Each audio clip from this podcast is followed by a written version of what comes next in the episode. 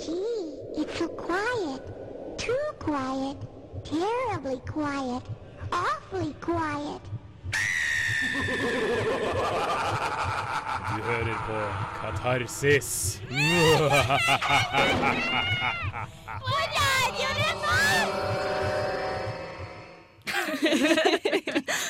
Ja. Ja, det er jo halloween i dag, så vi måtte spice opp eh, åpningsjingeren litt. Det, måtte vi absolutt gjøre. Jeg er tilbake. Line er tilbake fra USA. Uh! Og jeg, har, eh, jeg er veldig spent på hva dere har gjort eh, under uka.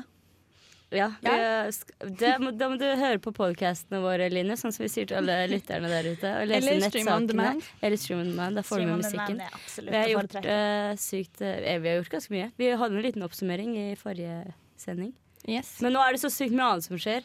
Det nå er sier det. jeg sykt mye, sykt mye. Så Men allikevel, eh, uka har klart å liste seg litt inn her med kunstutstilling og Bård, Atle og Harald, som dere skal høre litt senere. Ja, vi skal snakke litt mer om teater òg, skal vi ikke det? Jo, fordi eh, jeg har vært eh, sett en liten forestilling som heter Jeg var Fritz Moen på Trøndelag Teater. I samarbeid med Riks, eh, Riksteatret og Teater Manu. Døveteatret. Mm, Yes, og det har så- også Aure vært på tidligere. Og så har vi jo eh, spalta Ukas kunstner med en liten sånn halloween... Eh, Ja, for Halloween twist. forrige uke så, så starta vi en ny spalte. Ragnhild starta en ny spalte. Ja. Det var skikkelig kult, syns jeg. Og så må jeg bare si det at jeg sa i forrige sending at jeg skulle på Kate Pendry-forestilling. Ja. Sant? Og så plutselig så sa hun at hun ikke ville ha at showet hennes skulle pressedekkes likevel, da. Så det var ikke meninga å lure noen lyttere der ute, men da fikk jeg ikke lov likevel. Så blei ikke det. Men det blei forestilling istedenfor. Ja. Men vi har uansett veldig mye bra stoff denne timen som kommer. Uh, vi skal også høre veldig mye god musikk, og vi starter egentlig bare med Faced med How Come You Never Go There med en gang. Um, her om dagen når jeg logga på Facebooken min, så så jeg en statusoppdatering fra Ragnhild hvor hun skrev at hun begynte å gråte fremdeles av eh, Fritz Moen. Ja. Mm. Det er fordi Ragnhild eh, og jeg, vi var på Trøndelag Teater og så forestillingen 'Jeg var Fritz Moen'. Det var eh, et samarbeidsprosjekt mellom Riksteatret og Teater Manus, som er teater for døve ja, døveteatret. Og det handla da om, eh, om Fritz Moen-saken. Og for de som ikke jeg, jeg, jeg har lyst til å si litt hvem Fritz Moen var, da, og litt om Fritz Moen-saken, for de som ikke er så kjent med den, før, jeg, før Ragnhild og jeg skal snakke litt om forestillingen. For Fritz Moen, han eh, var eh, en nordmann som ble kjent et kjent offer for Europas eneste tilfelle av dobbelt justismord. Han ble dømt for to drap som han ikke begikk. Dette var på, på 70- og 80-tallet. Og han ble da eh, senere frikjent. Fritz eh, Ingevar Moen, som han het, ble født eh, i 1941. Han var tyskerunge, møtte aldri pappaen sin, for han døde da under krigen. Han ble født nesten døv og ute av stand til å utvikle noe særlig talespråk, og pga. det så ville ikke mammaen ha han. Og sendte han av gårde på, på barnehjem, og eh, i sine åtte første leveår så hadde Fritz hadde ingen, eh, nesten ingen kontakt med andre døve, verken barn eller voksne, og dette kan være en medvirkende årsak til at han fikk ganske mange sosiale problemer og, og problemer med språkforståelse og sånn.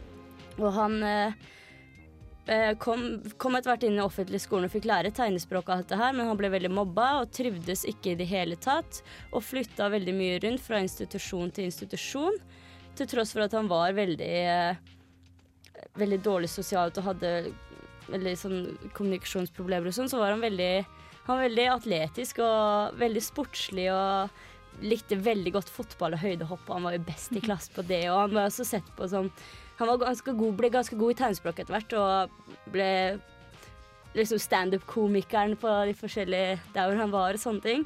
Så han hadde jo han hadde humor og glimt i øyet, men han hadde, hadde også vanskelige stunder og hadde jo ingen å dra hjem til i jul og sånne ting. Til, eh, I hvert fall så kom han, eh, kom han til Trondheim eh, etter hvert, for han ville komme litt mer inn i døvemiljøet. Eh, han hadde også vært utsatt for en mopedulykke tidligere, og dette gjorde at han var lam på hele høyre siden, og da så han på en måte kanskje enda litt skumlere ut ja, når man ikke det. kan kommunisere i tillegg. Ja. Og han kunne jo ikke da bruke høyrearmen og sånn. Når han kom til, eh, til Trondheim for å, for å få mer kontakt med personer i dødemiljøet. Og det var nettopp i Trondheim at eh, Fritz eh, Moen våren eh, 1978 først ble dømt for drapet på Torunn Finstad, og deretter ble han dømt for drapet på Sigrid Heggem i høsten 1981. Og begge disse jentene var studenter i Trondheim på vei hjem fra Studentersamfunnet den kvelden de ble drept. Og eh, samlet så fikk Fritz 21 års eh, fengsel for disse to eh, drapene og inntil 10 års sikring. Han satt til sammen 18,5 år i fengsel. Og de ni første åra så hadde han nesten ingen kontakt. Det var ingen som brydde seg om han. Han fikk ikke noe oppfølging. Han, det var helt grusomt, helt til en jeg vet ikke om det var en psykolog eller sosialarbeider som tok tak, som tok tak i det her da, og sa at det her går ikke an. og, og under rettssaken ble han behandla ganske dårlig, og det er det forestillingen 'Jeg var Fritz Moen' handler om. Selve eh, hvordan han ble behandla av politiet og sånn, for han klarte ikke å forsvare seg, og han skjønte ikke hva politiet mente. Han bare jatta med og trodde at sannhet, det var det politiet ba ham om å si. Og men det var, en, eh, det var en mann, og det var Tore Sandberg. Han var privatetterforsker. Han tok opp saken for han mente at Fritz Moen var uskyldig, og i 2004 så ble eh, Fritz Moen frikjent for det ene drapet. Så døde Fritz Moen i 2005, og først i 2006 så ble han frikjent for det andre drapet, og det var etter sin død, og det er ganske forferdelig, og ja. Mm, det her er kjempespennende, så vi skal eh, snakke mer om det her ganske så snart. Vi skal spille av litt musikk. Aller først har du Sandra Perry med 'Love and Light'. Vi sitter og snakker om eh, Fritz Moen, som dere to har vært og sett på, på teatret. Og eh, det jeg lurer mest på, fikk de tatt morderen? Den virkelige morderen? Ja, for det, det var det som var da når Tore Sandberg blant annet Dere var gravd opp i det her, så var det eh, Fritz Moen døde jo Han døde 28. mars i 2005, og så var det en gammel mann, en 67 år gammel mann, som på sitt dødsleie i desember 2005, altså etter at Fritz Moen hadde dødd, innrømte begge drapene på både Torunn og, og Sigrid. Så En siste tappert forsøk på å komme inn i himmelen? Ja. ja. Og det var Ja, så mm, aff, Det er fælt. Uh, og vi, ja, vi var jo så den, Ragnhild. Det var vi. Jeg var Fritz Moen, og som vi sa innledningsvis, du ble rørt til tårer. Jeg, tror, Ja. jeg spurte Ragnhild etter forestillingen Ragnhild, er du forkjøla, eller gråter du? Jeg måtte jeg ærlig innrømme at eh, jeg gråt, og jeg gråt flere ganger under forestillingen. Og når jeg endelig på en måte klarte å hente meg inn da, og, og få tårene til å stoppe, så kom det nye segmenter med i forestillingen som gjorde at jeg bare Jeg klarte ikke å la være. Og selv etter at når jeg, altså når jeg kom hjem eh, og drev og, og snakka med samboeren min om det, og sånt så, så kom tårene så lett fram igjen. Eh, jeg er helt rysta over at det går an å la en uskyldig mann sitte i fengsel i 18 15 år, og alt det de sa om eh, Fritz Moen i forestillingen også, gjorde at jeg fikk eh, veldig sympati for, for Fritz Moen. Jeg har så lyst til å reise tilbake i tid og bare gi han en klem og bare 'Jeg kan være jenta di, det går fint'. For han var veldig glad i, i jenter og sånne ting, og han, han blotta seg. Han var tatt for blotting, han var tatt for tafsing og sånne ting. Var han hadde så lyst, liksom, og alle jentene bare vika unna med en gang de så han. Og. Syntes han var skummel og ekkel. Og, så Men- han fikk liksom ikke tilfredsstilt behovene sine. Da, Å, men, men jeg må spørre. Dere snakker jo så varmt om det her stykket. Har jeg noen muligheter for å oppleve det nå? Nei, for det er det som er. Det er, det er, det er ferdig å gå nå på Trøndelag Teater, men det er omreisende. Og jeg lurer på om det skal til både Bergen og Stavanger, eller om det har vært der de store byene. Husker jeg ikke Nei, helt nå. vi men hadde urpremieren var i Trondheim. Ja, Eh, de passa på det siden det var her. det er her det skjedde. Ja. Mm. Og det, jeg, må, jeg må jo si det. Det er jo, eh, det er jo eh, Kjersti eh, Horn som, som har regissert dette stykket. Og hun, hun vil understreke at dette er denne forestillingen det er ikke en biografi, og det er heller ikke et forsøk på å avdekke nye fakta, for det er en veldig veldokumentert sak. Eh, men de, det var så enkelt, det vi så. Det var fem eh, catwalker, kan vi kalle det. Ja. Så var det fem menn, og som sagt så var det dette samarbeidet med Teater Manu, Døveteatret. Så det var to av de var døve, og tre av de var hørende. Ja. Og alle fem spilte på en måte Fritz Moen i ulike situasjoner. Ja. Og moren til Fritz Moen, som han bare møtte to ganger, og, og forskjellige sosialarbeidere og sånne ting. Så de på en måte bytta på å spille Fritz Moen. Det var så enkelt, og allikevel så klarte de liksom å få Stemningsskapende ja, og historien hans. Og det var, vi fikk på en måte oppleve hvordan Fritz Moen ja, altså, hvordan han selv opplevde rettssaken, virka det som. da, Og det var Ja. veldig rørende og veldig sterkt. Ekstremt rørende. Og ja, Kjersti Horn sier selv at uh, dette er en, uh, en kjærlighetserklæring til annerledesheten og et lite skritt på veien mot et mer mangfoldig teater og en mer mangfoldig virkelighet. Og ja. Ja. Var, Hvis du har muligheten, så absolutt må du se det. dra. Og det, det kreves ikke nødvendigvis at du vet veldig mye om Eller du burde kanskje Nå vet du det. Nå håper jeg. Nå har du jo lytta, nå vet du alt om Fritz Moen. Nei, det var veldig sterkt og veldig bra, bra lagt fram. Eller bra forestilling, så absolutt verdt å se. Og jeg, jeg skal lage sak på det her, for det er det som var Jeg holdt på å lage omtaler og sånne ting, men så hadde vi litt eh, problemer eh, i radioen i dag Litt tekniske problemer. med dataen og sånne ting. Men det kommer selvfølgelig på radiorevolt.no og på Facebook så fort, eh, så fort jeg får det til. Så bare gå inn og se mer der.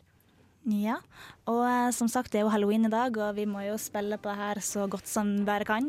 Vi skal snart høre om ukas kunstner, som også har litt med denne spesielle dagen å gjøre. Men først This Is Halloween, A Nightmare Before Christmas.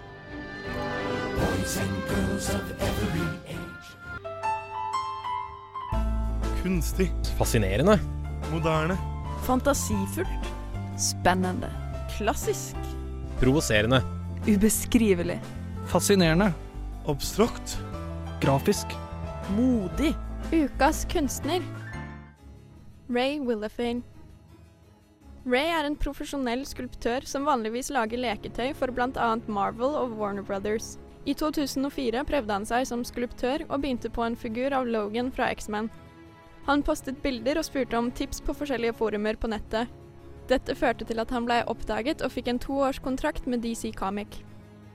Hans lidenskap for skulpturer kom da han underviste på en kunstskole, og hver høst lagde han helt syke skulpturer av gresskar. Elevene elsket det, og det gjorde foreldrene deres også. Etter at han hadde laget en del gresskar på bestilling, deltok han på en konkurranse for gresskarutskjæringer og vant. Dette er det han er mest kjent for, og det er forståelig. Katarsis. Yes, der var eh, min eh, spalte med ukas kunstner, eh, Ray Willefane. Eh, jeg måtte jo bare velge han Ja, det for, passer bra i dag. For halloween. Ja. Eh, for jeg skal igjen legge ut en eh, link på Facebook-sida og håpe på at den ikke forsvinner. Ja.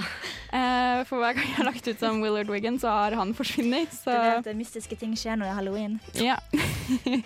Så da får dere gå inn på lenkene jeg legger ut der, og se på de fantastiske gresskarutskjæringene ja. hans. for Jeg så noen i stad du viste meg, Ragnhild. Det var Ja. skikkelig tøft. han, er, han er virkelig helt sinnssyk og god på, på å skulpturere. Og jeg jeg syns det er morsomt at vi spilte disse her, jeg må si det. Fordi nå fikk ikke Filmofil gjort det, fordi jeg har sending på torsdager og bare ah, litt for tidlig for halloween, og nå blir det for seint. Ja. Så den, dette året så var det Det var Katarsis oss. som fikk æren av å spille. Det var oss. Stor glede i det. Yes. Nei, men det er, eh, Jeg syns det er skikkelig spennende med, med de her kunstnerne dine. Jeg er spent på hva det kommer, eh, hva som kommer neste uke. Ragnhild. Ja, ikke sant. Men eh, apropos kunstner og sånne ting, da, så har jeg vært på Uka Ja, sin kunstutstilling Mm. eh, på mandag. Den eh, hører vi nok litt mer om etterpå. Vi skal høre litt musikk først. Vi skal høre Anana, som også var her og spilte under uka. Og vi skal høre låta hennes 'Jeg nekter'. På mandag var det kulturell dag på Samfunnet, og jeg var så heldig at jeg fikk dra på kunstutstillingen på Edgar og Bodegaen. Der møtte jeg Malin Frimann, som var eventansvarlig for utstillingen. Og det var slik de fant kunstnerne. Vi har eh, sendt ut mail til de forskjellige skolene rundt om i Trondheim. Jeg skal ikke si at vi tok det vi fikk, for det var noen, det var noen som meldte seg på. Eh, men vi bestemte oss for at vi skulle ha fem stykker. Dessverre så var det mange kunstnere som var litt skeptiske til lokalet. Edgar eh, er litt vanskelig å få utstilt ting i, men eh, jeg synes det var skikkelig bra til slutt. Jeg fikk møte fire av de lovende kunstnerne. Elin Glaurum Haugland, Tor Erik Grytten, André Enger Aas og Lene Kristin Karlsvik, som har ulike stiler og teknikker. Hva slags teknikk bruker du, og hvordan har du gått frem for å lage denne utstillingen? Jeg jobber mest med oljemaling. Når jeg eh, prøver å finne ut hvordan jeg skal lage kunsten min, så jobber jeg istedenfor å skisse, så har jeg en tendens til å jobbe mer med i Photoshop. Så jeg skisser litt i Photoshop, og så eh, overfører jeg det på, til et maleri. Hva var inspirasjonen din? I forhold til dem, eh, den røde serien min, så har jeg en inspirasjonskilde fra Jenny Saville. Hun lager litt sånn groteske bilder av overvektige. Min eh, respons på hennes kunst var jo at jeg valgte å snu det andre veien og prø- prøve å fremstille det som noe vakkert. Ved å på en måte lure beskueren til å tro at de ser på noe annet, eh, gjennom farge og form og det å speilvende det. Hvis du kunne oppsummert utstillingen din med få ord, hvilke ville du brukt? Eh, erotisk. Eh, jeg håper litt nytenkende. Fargerik. Likte du den? Uh, ja, jeg syns det var uh, veldig fint. Og som sagt så fikk jeg intervjua resten av de også, men uh, det ble litt sånn knapt om tiden i den sendinga her.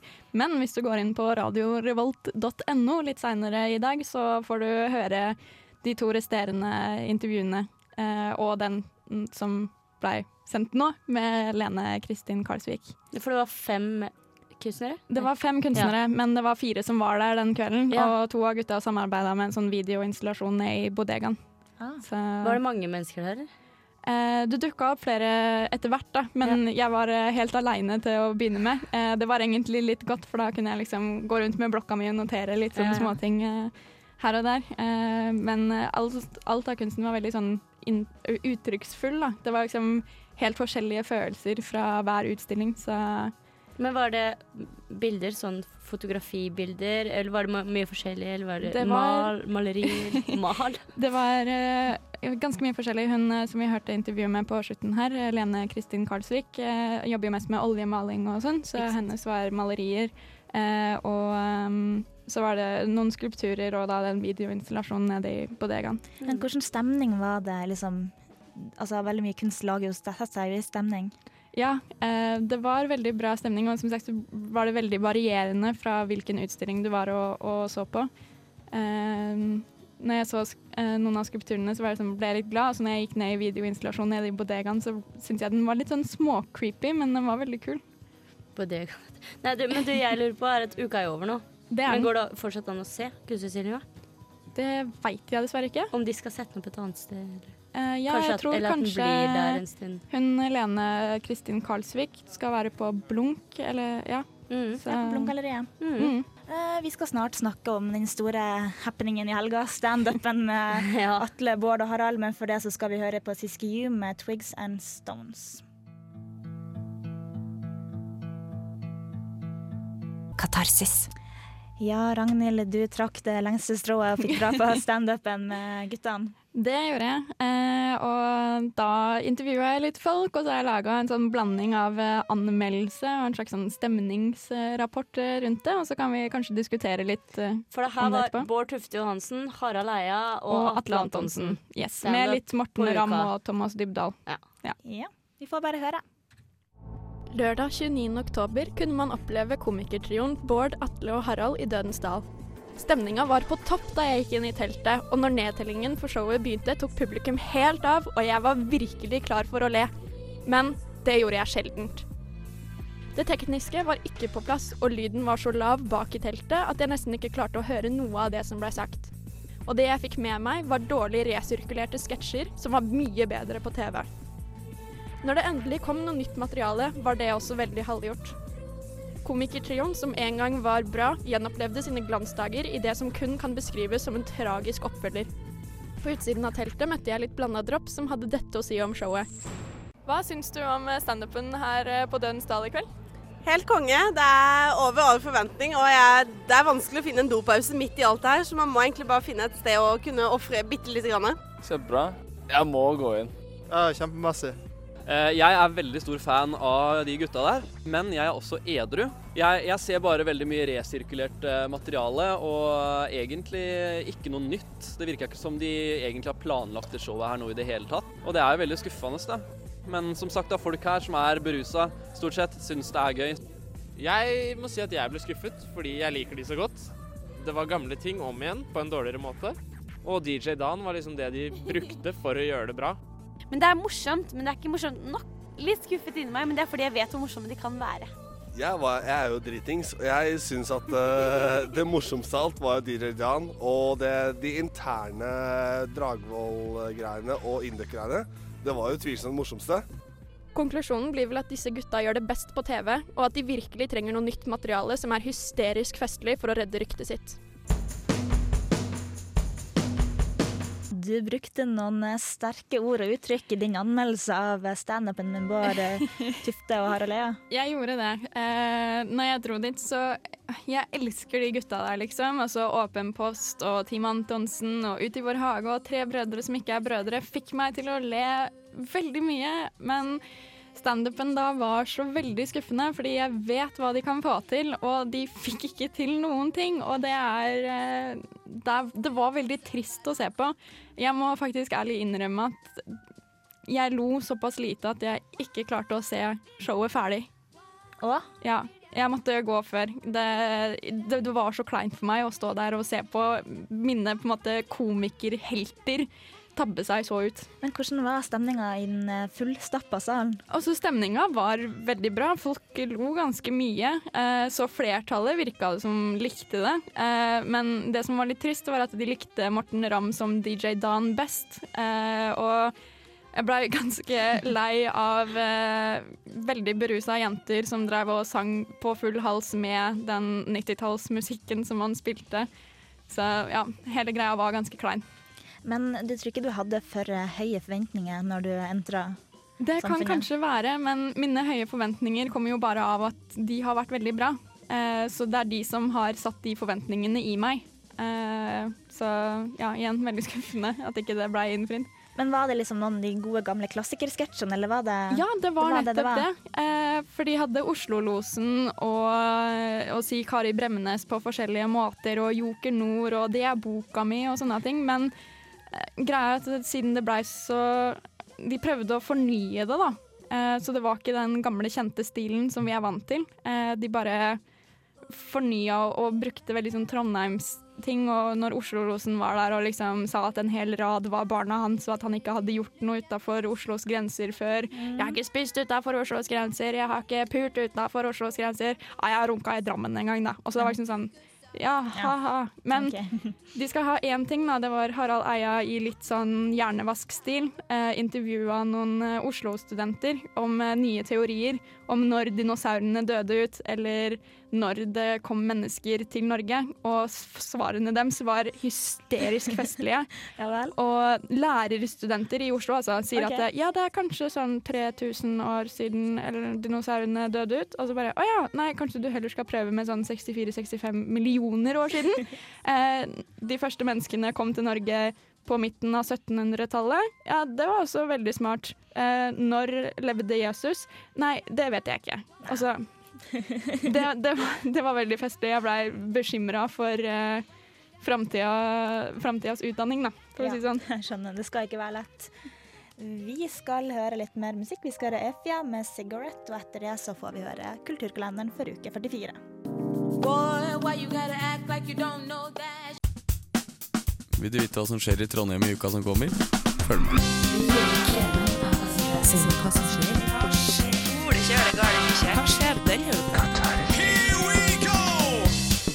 For uke 44. Nylig var det utstillingsåpning på Landskapet gjennom oss, og denne kunstutstillinga med Torhild Aukan, Inger Sitter og Håkon Bleken, Bleken kan i tid framover oppleves på Trondheim kunstmuseum i Gråmølna. Torsdag 2. november skjer det også mye i Gråmølna. Da er det konsert slash performance med Myth slash Sandbakken og Xavier Kverel, og opplevelsen kan forstås som en spontant uttrykk som ligger et ubestemt sted mellom musikk, film og performance.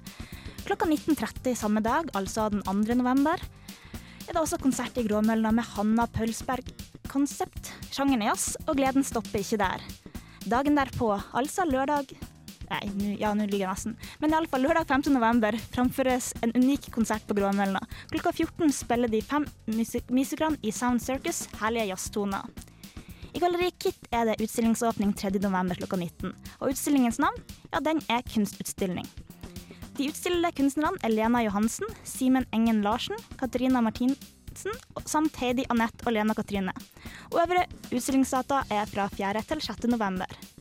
Den fantastiske oppsetninga av Tolvskillingsoperaen kan du fortsatt oppleve på Trøndelag Teater denne uka, bl.a. i kveld klokka 19. Trøndelag Teater kan du også oppleve denne uka med Zero Buffo, Gjøgleren og gjensynet fra tidligere i år. Modern Art Gallery stiller 25 kunstnere ut sine verk. Sjekk internettsiden til galleriet www.modernart-shop.no for mer informasjon. I byen vår i disse dagene er det også orgelfest, med masse happenings på ulike steder. Blant annet er det framføring av Wolfgang Lags verk ved Wagner-orgelet i Nidarosdomen 1.11. klokka 19, og klokka 21 vil man i samme anledning kunne oppleve et av Europas fremste sembalister, Skip Sembe, i Vår Frues kirke. Orgelfesten fortsetter ut gjennom uka, og det er mye variert å dele i. Blant annet møter Motorpsycho og Ståle Ståle Storløkken 2.11. i Nidarosdomen. Sjekk ut programmet på www.orgelfest.no. 1.11. er det igjen duka for symposium, og denne gangen med prosjektvisning av Hybris. Og det, mine damer og herrer, det var kulturkalenderen for uke 44. Der hørte du Lana Del Rey med Blue Jeans. Og eh, vi, er, vi har ikke så mye igjen, men eh, før vi avslutter i dag, så tenkte jeg at jeg skulle eh, videreformidle en beskjed nesten fra Trøndelag Teater. yes. For at Trøndelag Teater i samarbeid med Kjernehuset, de søker etter unge dramatikere. Da må du være mellom 13 og 19 år. Og de her ungdommene, eller altså dere, da, oppfordres til å sende inn tekster eller ideer til, til Trøndelag Teater. Og det må inn før den 10. desember i år. Og det som er planen deres, er at de skal ha fire premierer på produksjoner i våren 2012. Så hvis du har eh, noen kreative ideer der ute, så kan du ta, få med papiret og sende dem inn, og så kanskje du er så heldig at du er den personen som, eh, som blir uh, laga produksjon av. Ja. Er det noen kriterier eller noe? Ja. Først, altså, først er det sånn at åtte tekster vil bli plukka ut og videreutvikla i ulike workshops sammen med da, de forfatterne som har skrevet det, teatret, og en regissør som heter Rita Abrahamsen. Og det vil ende opp da til fire, fire av som vil da ende opp som uh, forestillinger. Og kriteriene er at uh, det er en lengde. Det må være på mellom 15 til 20 minutter ferdig forestilling eller lesning. Og det skal være maks tre skuespillere. Og det må være rimelig enkle tekniske og scenografiske løsninger. Ja, det er spennende. Ja, altså 15-20 minutter, tre skuespillere og enkle tekniske og scenografiske løsninger. Og det her kan man gå inn på trondelag-teater.no, så kan man gå inn der og lese mer om dette. Eller så kan de kontakte Trøndelag Teater på andre måter. Ja, nå skulle jeg nesten ønske jeg var mellom eh, 13 og 19. Ja, det var veldig artig hvis du har en liten eh, si, forfatter i, i magen. Men eh, så kan jeg i hvert fall henvende deg til Sissel Grønli, som da er informasjonsrådgiver hvis du har spørsmål om det her da, på Trøndelag Teater. Yes. Ja, dagen i dag, halloween. Ja. Åh, det er fantastisk. Nå skal jeg snart hjem og se på Adams Family og spise popkorn. Ja, og du er tekniker, Bendik. Nei, Jeg skal på en halloweenfest. da. Skal på halloweenfest. Vanlig. Vanlig fest. Vet ikke hva jeg skal. så. Men uh, sendinga i dag, vi har jo hatt, eh, vi har hatt litt preg av, eh, av halloween, da. Ved, ved at vi har eh, hørt en kunstner som hadde gresskar. yes, Ray Willifane. Ja. Og neste uke så får vi så klart da høre om en ny kunstner. Yes, Og det er hemmelig fram til neste uke. Det er hemmelig. Og videre så skal du på kino. Det skal jeg. Eh, Jeg får være med, heldigvis, eh, Jens Erik på pressevisning på Pina, som eh, handler om eh, Pina Brausch, eh, som er en kjent koreograf. Så det gleder jeg meg veldig til. Ja, det er personlig så skal jeg neste uke skal jeg forberede litt og fortelle dere om de to museene jeg har vært på i New York, altså Modern Art Museum og Metropolitan Museum, som er da to av verdens aller beste museum. Og jeg gleder meg virkelig til å høre om det. Ja, altså. det var faktisk helt fantastisk. Veldig mye Picasso som jeg er veldig, veldig, veldig glad i. Men uh, når det er sagt, nå er vi ferdig her. Bendik Bolme var min tekniker, og din tekniker, og alle sin tekniker. Ja. Eh, du kan- ja. Og det er bare å sjekke ut podkasten vår eller streame den til meg etterpå, så får dere ha en videre fin kveld.